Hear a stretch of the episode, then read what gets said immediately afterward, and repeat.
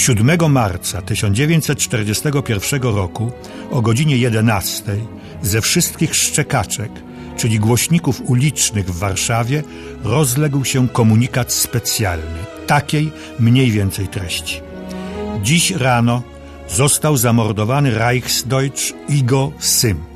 Za karę godzina policyjna dla ludności nie niemieckiej zostaje przesunięta na godzinę 18.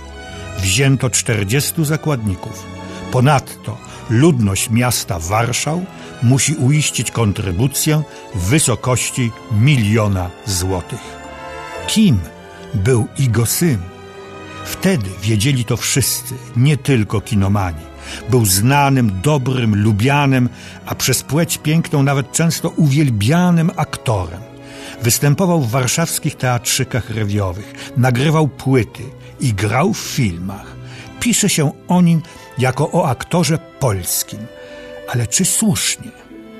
Karl Julius, dopiero później Igo, Sym, urodził się w 1896 roku w Innsbrucku. Jego rodzice, Antoni i Julia Zeppi, przyjechali do Austrii z Małopolski, ale szczególnych koligacji i tradycji polskich nie mieli.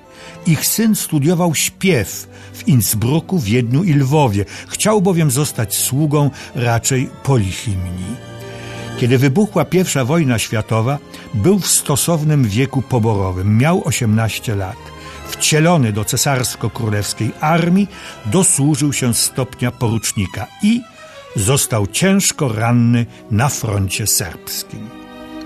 Od 1921 roku pracował w Polsce, w Żywcu jako urzędnik, w Warszawie jako tłumacz agentów i dystrybutorów filmowych. W 1925 roku zadebiutował w kryminalno-melodramatycznym filmie Wiktora Biegańskiego Wampiry Warszawy rolą adwokata. W O czym się nie myśli grał kompozytora. W awangardowej kochance Szamoty już główną rolę męską dziennikarza. W tym samym czasie robił karierę za granicą w Austrii i w Niemczech, między innymi w Giełdzie Miłości z Marleną Dietrich, czy w filmach muzycznych, takich jak Adieu Mascot, Wiedeń Miasto Piosenek, Serenada. Ten ostatni w roku 1937. Był w tych filmach tak zwanym lekkim amantem. Miał bowiem jak stwierdzali znawcy przedmiotu, wprost wyjątkowe, korzystne warunki zewnętrzne, predestynujące go do ról amantów oraz wyjątkową sprawność fizyczną. Miał również dobry głos, był muzykalny, zarzucano mu jednak pewną sztywność na scenie. Na scenie, ale nie w filmie. W pałacu na kółkach wcielił się w postać poważnego przemysłowca. W szpiegu w masce – co zakrawa na niebotycznie złośliwy paradoks historii, w szefa polskiego kontrwywiadu. W przebudzeniu był nauczycielem muzyki, w dyplomatycznej żonie, tenorem, w złotej masce, architektem, a w ostatnim filmie, w jakim się pojawił, filmie Żona i nieżona, zagrał znowu Amanta i to zagranicznego. Kiedy w 1939 roku wojska hitlerowskie zajęły Warszawę, jego syn pojawił się nagle w niemieckim mundurze. Okazało się, że od dawna związany był z brunatnym faszystowskim ruchem. Nie musiał występować o przyznanie mu przez władzę statusu Volksdeutscha, ponieważ urodzony w Innsbrucku, czyli na terenie ówczesnej III Rzeszy, był pełnoprawnym Niemcem. Okupacyjne władze powierzyły mu zorganizowanie polskiego życia teatralnego i nie tylko. Został dyrektorem Teatra der Stadt Warschau i otrzymał koncesję na teatr Komedia i na kino Helgoland, tylko dla Niemców, przed i po wojnie kino Palladium.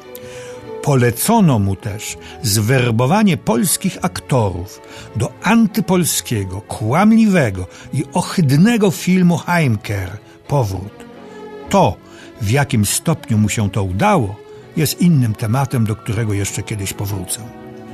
Ta działalność Igosyma uznana została przez polskie podziemie za wysoce szkodliwą i niebezpieczną. Wojskowy Sąd Specjalny Związku Walki Zbrojnej wydał na Igosyma wyrok śmierci. Wykonano go 7 marca 1941 roku w mieszkaniu Igosyma przy ulicy Mazowieckiej 10. Odwet Niemców był natychmiastowy i tragiczny. W ciągu najbliższych dwóch dni hitlerowcy aresztowali 100 osób, z których 21 rozstrzelali. Rozesłano też listy gończe za znanymi aktorami, Dobiesławem Damięckim i jego żoną Ireną Górską, których Niemcy podejrzewali o dokonanie zamachu. Do obozu śmierci w Auschwitz zesłano tak wybitnych ludzi teatru i filmu jak Leon Schiller, Stefan Jaracz czy Zbigniew Sawan. A kim byli dwaj bojownicy polskiego podziemia, wykonawcy wyroku na Igosymie? Leszek Kowalewski, pseudonim Twardy, ranny w bitwie pod Bzurą, wzięty do niewoli niemieckiej, zbiegł z transportu do obozu jenieckiego i przedostał się do Warszawy. Walczył w podziemiu, aresztowany z bronią w ręku w 1943 roku, osadzony został na Pawiaku i tam rozstrzelany.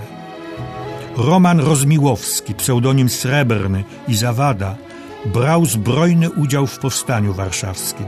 Ciężko ranny, zmarł w szpitalu powstańczym 3 września 1944 roku. Na kilka dni przed śmiercią udzielił dla pisma Demokrata wywiadu na temat zamachu na Igosyma.